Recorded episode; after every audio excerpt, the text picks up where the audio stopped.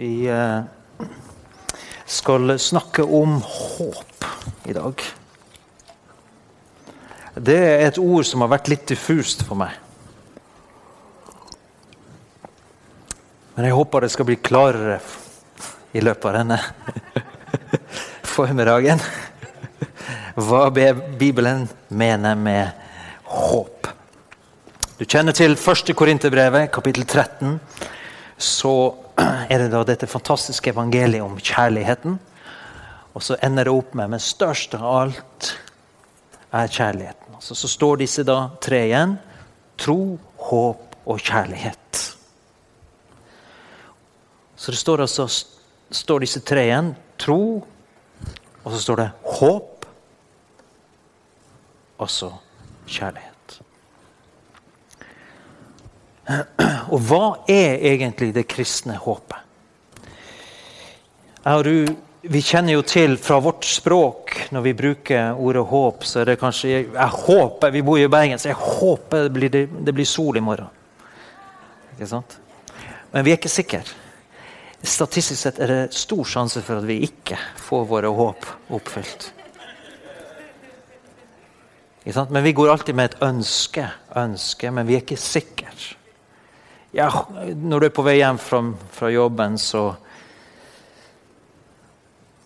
håper du at noen har laga middag. Du er ikke helt sikker. Men du håper at middagen står klar. Men du er ikke helt sikker. Men du håper det er noen som har tenkt på det. Du håper det er noen som har kjøpt inn. Du håper det er noen som For du er sulten. Men du er ikke helt sikker. Og Sånn bruker vi ordet i mange, mange sammenhenger. Jeg håper det ordner seg. Jeg håper det går bra. Men jeg er ikke helt sikker. Men Bibelen har en helt annen bruk av ordet håp, som vi skal studere sammen. Vi skal gjennom noen bibelvers, og så skal vi eh, konkludere på slutten her. Men eh, Peter han sier det i, i, i kapittel 1, 1. Peter 1, 13, Så der, sier han det, at Spenn derfor beltet fast om livet. Vær våkne, beredt i tanke og sinn.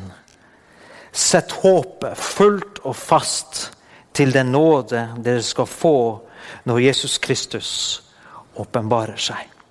Igjen, sett håpet fullt og fast til den nåde dere skal få når Jesus Kristus åpenbarer seg. I Titus kapittel 1 vers 1-3 så, så uh, snakker Paulus om uh, Gud, fra Paulus, Guds tjener og Jesu Kristi apostel, som er satt til å føre Guds utvalgte til tro og lære dem å kjenne den sannheten som gir Guds frykt og håp om evig liv. Der brukes håp igjen. Det har Gud, han som ikke kan lyve, gitt løfte om fra evighet av. Og til fastsatt tid har han åpenbart sitt ord i det budskap som er betrodd meg etter befaling fra Gud, og frelser. I 1. Johannes kapittel 3, vers 3 så står det Se hvor stor kjærlighet Faderen har vist oss. Vi får kalles Guds barn, og vi er det. Verden kjenner oss ikke fordi den ikke kjenner ham. Mine kjære, nå er vi Guds barn, og det er ennå ikke blitt åpenbart hva vi skal bli. Vi vet nå at Han åpenbarer seg, så skal vi bli ham lik, for vi skal se ham som han er. Legg merke til det. Vi skal se ham som han er. Enhver som har dette håp til ham, til Jesus, renser seg liksom Kristus er ren. Og I 1. Timoteus 1.1 så står det at Kristus er vårt håp.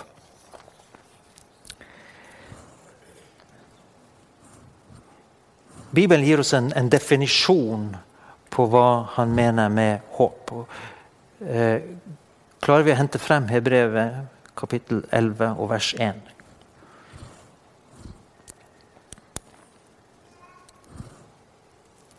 Her står det det, står, eh, det er forskjellige oversettelser av dette, her, men det er en, en fantastisk beskrivelse av tro, hvordan tro og håp henger sammen.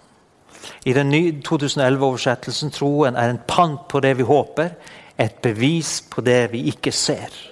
Andre oversettelser sier at troen er tillit, sikkerhet, visshet til eller visshet om det vi håper på. Overbevisning om det en ikke ser. I 1. Peter 1,21 står det Ved ham er dere kommet til tro på Gud, som reiste Kristus opp fra de døde og ga ham herlighet. Derfor er deres tro også håp til Gud. Eller i den Bibelen Guds ord så står det slik at deres tro og håp er rettet til Gud. Og Jeg har mange ganger tenkt på hva, hvordan skal vi forklare håp? Fordi det at Bibelen sier at vårt håp er det at Jesus kommer igjen. Den sier at vårt håp er det at vi skal få evig liv. At vi skal, er nåde som skal bli åpenbart. Vi skal få evig liv. Og den sier at vårt håp er at når vi skal se han, vi skal møte Jesus ansikt til ansikt, og da skal vi bli forvandla så vi blir ham lik. Det sier Bibelen er håpet vårt. Men det er noe som ennå ligger i fremtiden. Ingen av oss har erfart dette ennå. Vi har fått en forsmak ved at vi er blitt troende og har fått Den hellige ånd. Men ennå så ligger det framfor oss. Men Bibelen sier at det er vårt håp. Jeg tenkte på, når jeg grubla på dette her, et bilde som jeg har på, på uh, minnet mitt om uh, sønnen vår Aron. Det var jul, eller det nærma seg jul. og Vi har det på video. Og Vi så jeg filma, for han var så forventningsfull og begeistra og lengta sånn etter denne julaften, når han skulle få åpne disse pakkene som lå under juletreet. Det var bare ett problem. Julaften var ennå ikke kommet. Men han var så forventningsfull, han var så begeistra. Og på videoen så ser du hvordan han, han liksom hopper. Han klarer ikke å være i ro. Det er sånn det er sånn energi og sånn forventning i hele kroppen, i hele gutten, i hele hans sinn på at det kommer en julaften. Hva er det som gjør at han er så sikker på at det kommer en julaften, og da skal jeg få pakka? Hva er det som gjør han sikker på det? Hva er det som gjør den lille gutten Helt fullstendig overbevist. Så overbevist at han gleder seg lenge før julaften er kommet.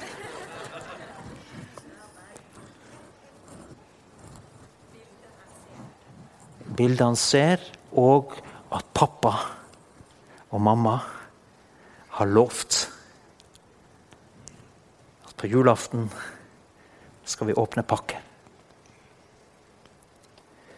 Stakkars unger i dag. Vi starter jo adventen, ikke sant?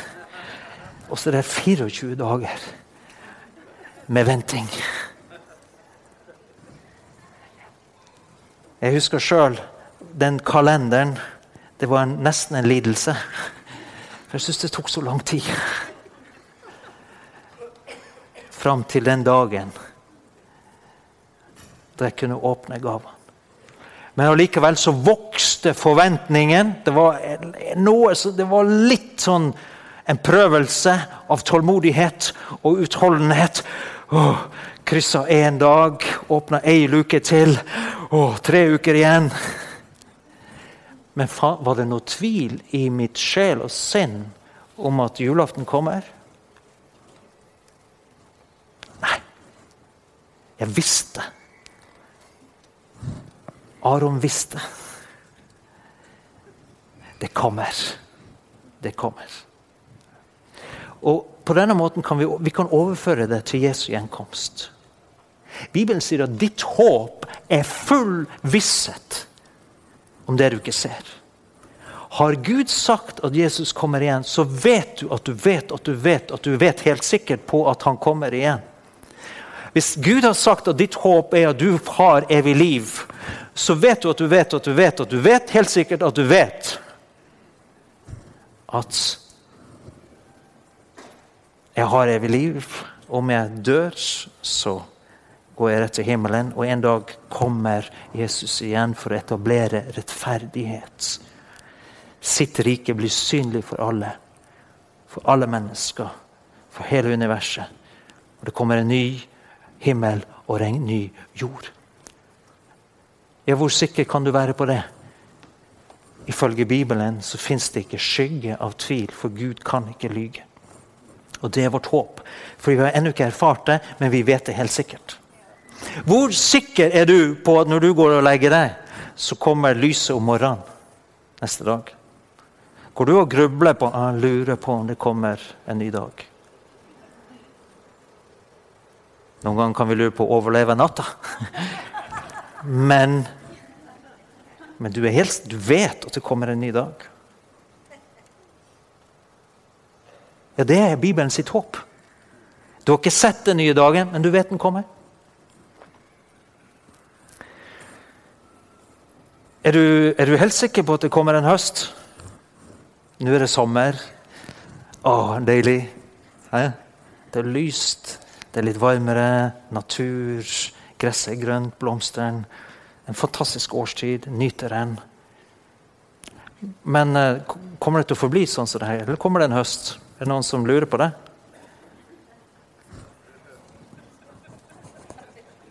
Hæ? Du håper det forblir sommer? Du heier på global oppvarming?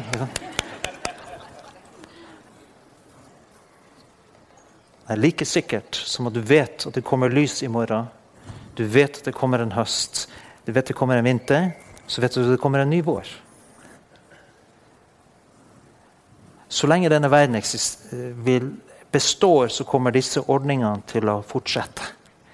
For Gud lovte det når han inngikk en pakt med Israel.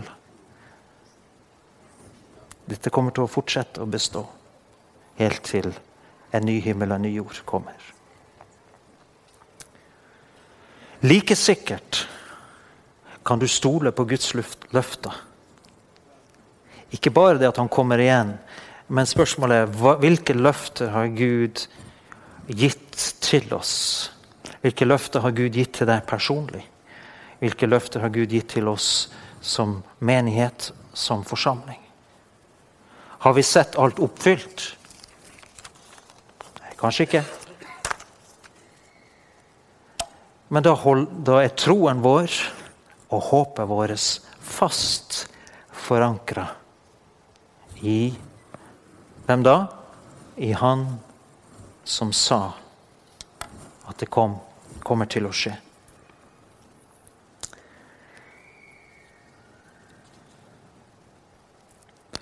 I 2. Korinterbrevet 1,7.: Vårt håp for dere står fast, for vi vet at slik dere har del i lidelsen, skal dere også få del i trøsten. Romerbrevet 8, 24-25. For i håpet er vi frelst. Et håp som, alt, som en alt ser oppfylt, er ikke noe håp. Hvordan kan noen håpe på det han ser? Men hvis vi håper på noe vi ikke ser, da venter vi med tålmodighet.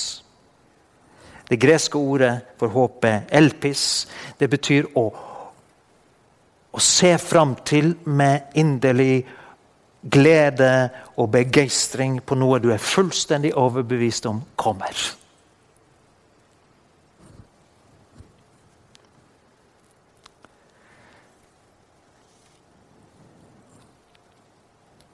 Bibelen sier videre i 2. kor 3,12.: Da vi altså eier et slikt håp, går vi fram med stor frimodighet.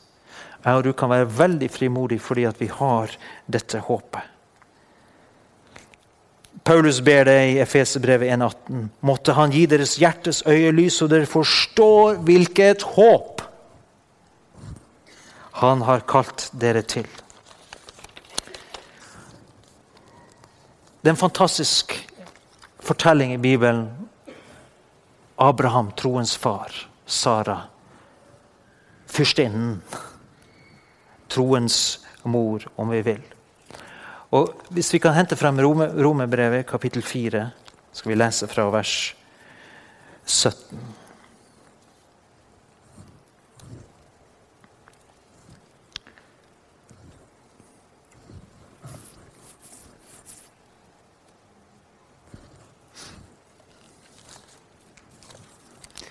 Slik det står skrevet, jeg har gjort deg til far for mange folkeslag.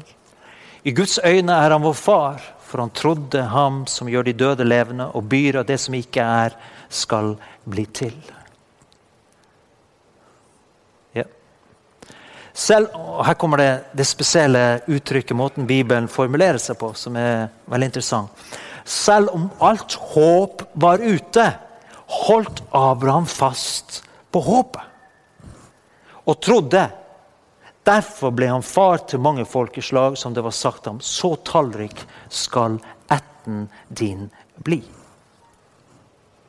Han var nesten 100 år, men ble likevel ikke svak i troen da han tenkte på sin egen kraftløse kropp og på Saras døde mors liv. Han var ikke vantro og tvilte ikke på Guds løfte, men ble sterk i troen og ga Gud ære. For han var overbevist om at det Gud hadde lovet, hadde han også makt til å gjøre. Legg merke til formuleringen. Altså mot alt håp. Det menneskelig sett så var det umulig. Du vet, Hvis vi går tilbake igjen til historien, så Abraham ble kalt av Gud til å forlate sin fars hus og dra fra Først Han var født i Uri Kaldea, hvilket er i Sør-Irak. Så dro de, hans far Tara og tok med seg familien, de dro til Kara. Og der fikk Abraham beskjed hos Gud ta med deg familien din, eh, altså din nære familie, forlat slekten din og dra til et land som jeg skal vise deg. Det landet skal bli ditt. Og du skal få en sønn. Og gjennom den sønnen skal alle jordens familier bli velsignet. Og tenk på det På den tiden når Abraham fikk den utfordringen av Gud For det første kjente han ikke Gud. Han, han, han, møtte den allmektige på et eller annet vis og trodde på det han sa. Og han dro inn i et fremmed land. Det fremmede landet der var fullt av fiender, mennesker som de ikke kjente. De var utrygt.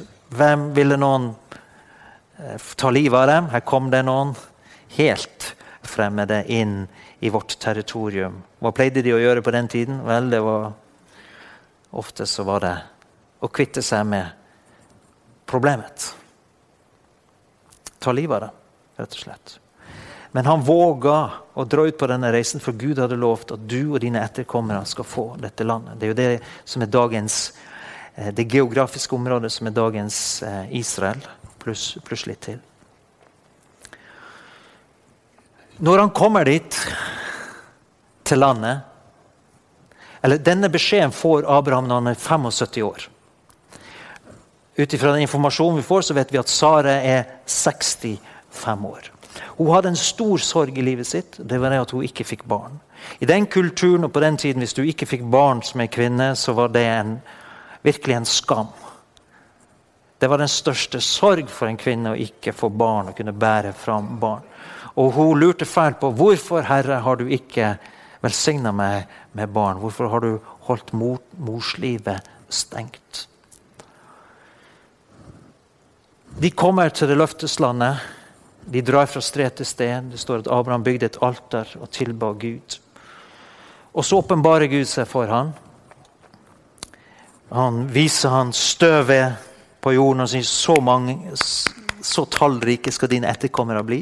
Han kunne ikke telle alle sandkornene. Så Gud sa dine etterkommere kommer til å bli langt flere. Det er helt umulig for deg å telle. Og Så inngikk han en pakt med han i kapittel 15. og så, så sa han det at Dine etterkommere skal bli så mange som stjernene på himmelen. Har du prøvd å telle stjernene på himmelen? Du kommer ut av tellinga veldig fort. Så Gud ga meg en visjon, en drøm, noe fysisk sann som han kunne holde fast i. Noe som var oppe på himmelen som han kunne se på. Så sa Gud, så mange skal dine etterkommere bli. Og du skal få en løftesønn, og gjennom den sønnen skal disse, dette løftet bli oppfylt. Hans etterkommere. Det var bare ett problem. Det er det at når de ankom landet, så, og løftene var gitt, så gikk det ett år, Han tok seg en tur til Egypt, for det var hungersnød. Kom tilbake igjen fra Egypt. Det Gikk to år, det gikk tre år, det gikk fire år, det gikk fem år. Og han begynner å lure på hvordan skal dette gå til. Hvor er løftesønnen, Gud i himmelen? Og eh, Sara eh, har vel sine tvil. Gubben er begynt å bli gammel. Hun ser på sitt eget mors liv, og det står da i teksten. ikke sant? Han tenkte på seg sjøl. Tenkte på sin egen kropp. Han visste at fysisk sett så er det umulig. Vi kan ikke få noe barn. Men allikevel så henter han fra sitt indre håp på at det allikevel var mulig, fordi han huska hvem som hadde gitt løftet. Hvem var det som lovte dette her? Og så så han på stjernene, så så han på kjente han på støvet, og så vokste håpet og troen og forventningen igjen. Men så har det gått ti år.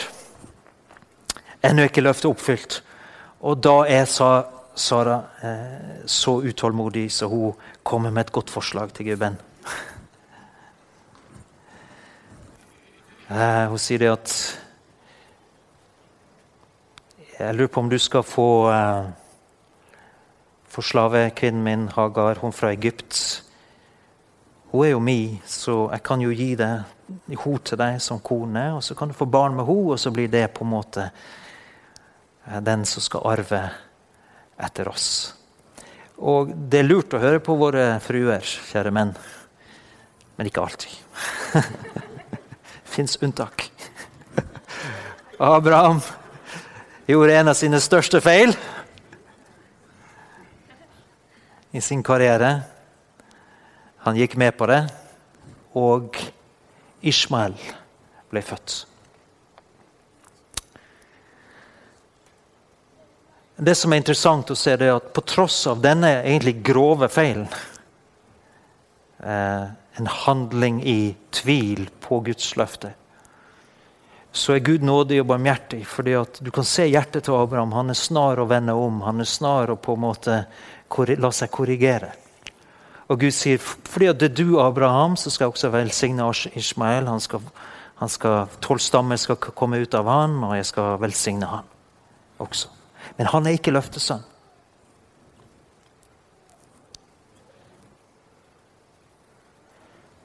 Og så går årene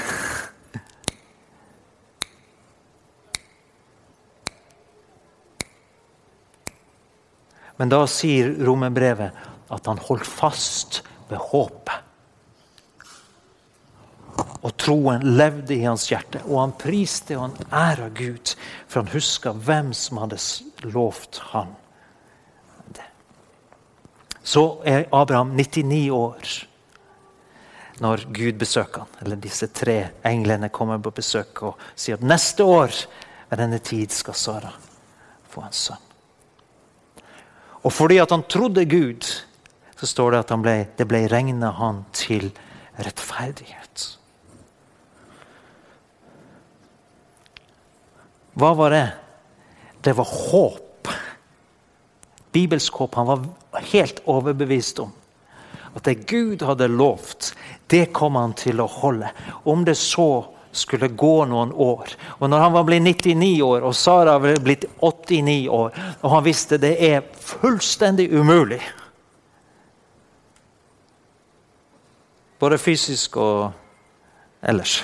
Det var ikke så attraktivt lenger. Så har Gud sagt. Og dermed så henter han opp håpet på at det kommer til å skje. Det kommer til å bli fullført, det som Herren har lovt. Og det samme gjelder meg og deg. Det fins spesifikke ting. Dette var Abrahams livskall. Det var hans oppdrag. Det var derfor han var født. Det var for å, fylle denne rollen som far til vår tro. Som skulle bli partneren, pakts eh, motparten til Gud, sånn at han kunne Gjennom Isak, som da ble løftesønn, så skulle Messias komme.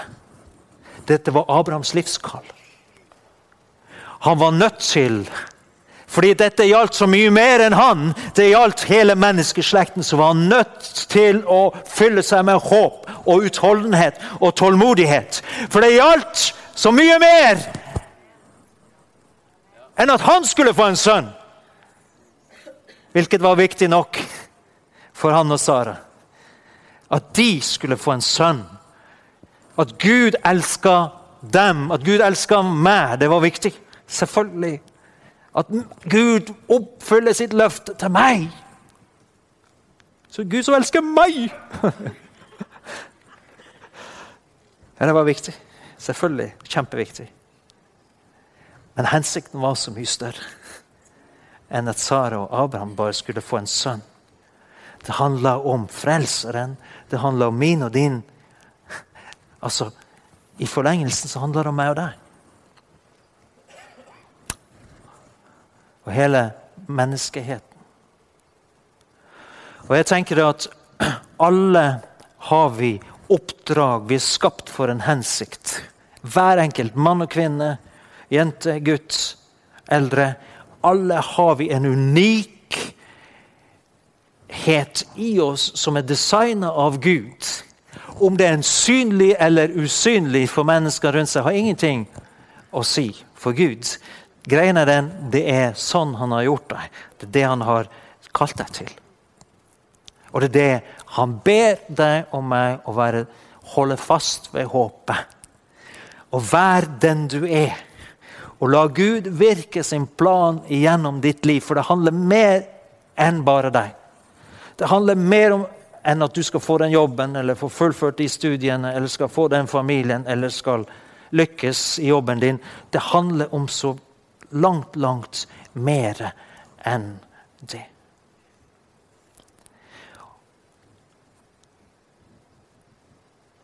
Guds rike, hans evige hensikter. Og da trenger vi, kjære venner, vi trenger tålmodighet, utholdenhet og holde fast på håpet. Så vi ikke gir slipp på det. Om noen dager er lette og noen dager er vanskelige, om noen ting tar tid, eller noen ting kommer ganske med en gang. Hvis Gud har bestemt, hvis Gud har sagt, hvis Gud har designa det, så skal du holde fast ved håpet. Alt det som kanskje ennå ikke er oppfylt, men som like fullt Gud vil oppfylle. Han trenger, det han trenger, er at du, holder, at du holder fast ved håpet og troen. Så vil han oppfylle det i våre liv, han vil oppfylle det i våre slekter, og han vil oppfylle det i våre etterslekter. Abraham skulle tro Gud. Isak kom, Isak overtok løftene, Jakob overtok løftene, og slik fortsatte det.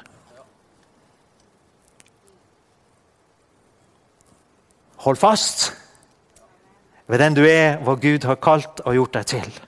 Og mist ikke motet, mist ikke håpet for alt i verden. Hold fast og lev i det du er, det Gud har kalt deg til og la ham få virke fram sin plan og sin hensikt. Amen. Det kan være ett menneske du skal møte på din vei, som har enorm betydning.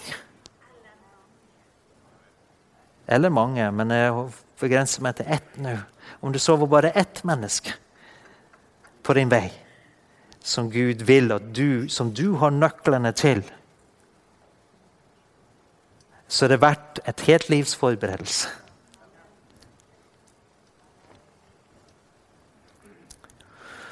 Og så kan vi tenke det, ja, men har, Gud har jo også sagt 'gi oss i dag vårt daglige brød'. Ja, vet du hva? Han gir oss det vi trenger i dag. Så vi trenger også håp og tro for hverdagen. Vi tenker ikke så mye på mat og klær, men mange bruker sitt håp og sin tro til Gud for å ha mat på bordet ha klær på kroppen og ha en jobb å gå til. Ikke sant? Vi er så privilegerte i så måte. Men vi trenger vårt hverdagshåp. Ikke sant? For det som skal skje i morgen, det vi trenger i overmorgen, det vi trenger neste uke. Og det vet Gud. Han vet hva vi trenger her og nå. Så disse to tingene er ikke opp imot, satt opp imot hverandre. Mat i dag med livsoppdraget ditt vil ta litt lengre tid. Det er det jeg tror jeg ønsker å si til deg, men du må holde fast ved løftene til deg, din slekt og din familie. Og hvis det er noen av dine forfedre som fikk løftet fra Herren, og du kjenner til det, da skal du holde fast ved det. Da skal du ta det til deg, be det ut. For det gjelder deg og din, din familie og din ett. Gud trenger bare noen som tror, altså holder fast ved håpet, som er overbevist om at når Gud har sagt noe, så vil han fullføre det. For da lar vi oss ikke vippe av pinnen av omstendigheter som kan møte oss her og nå, eller som bølger, vind som blåser hit og dit, bølger som slår fram og tilbake. Ting som går litt opp og ned. Det vipper oss ikke av pinnen, det tar ikke kursen fra oss. Amen, for vi holder fast ved håpet.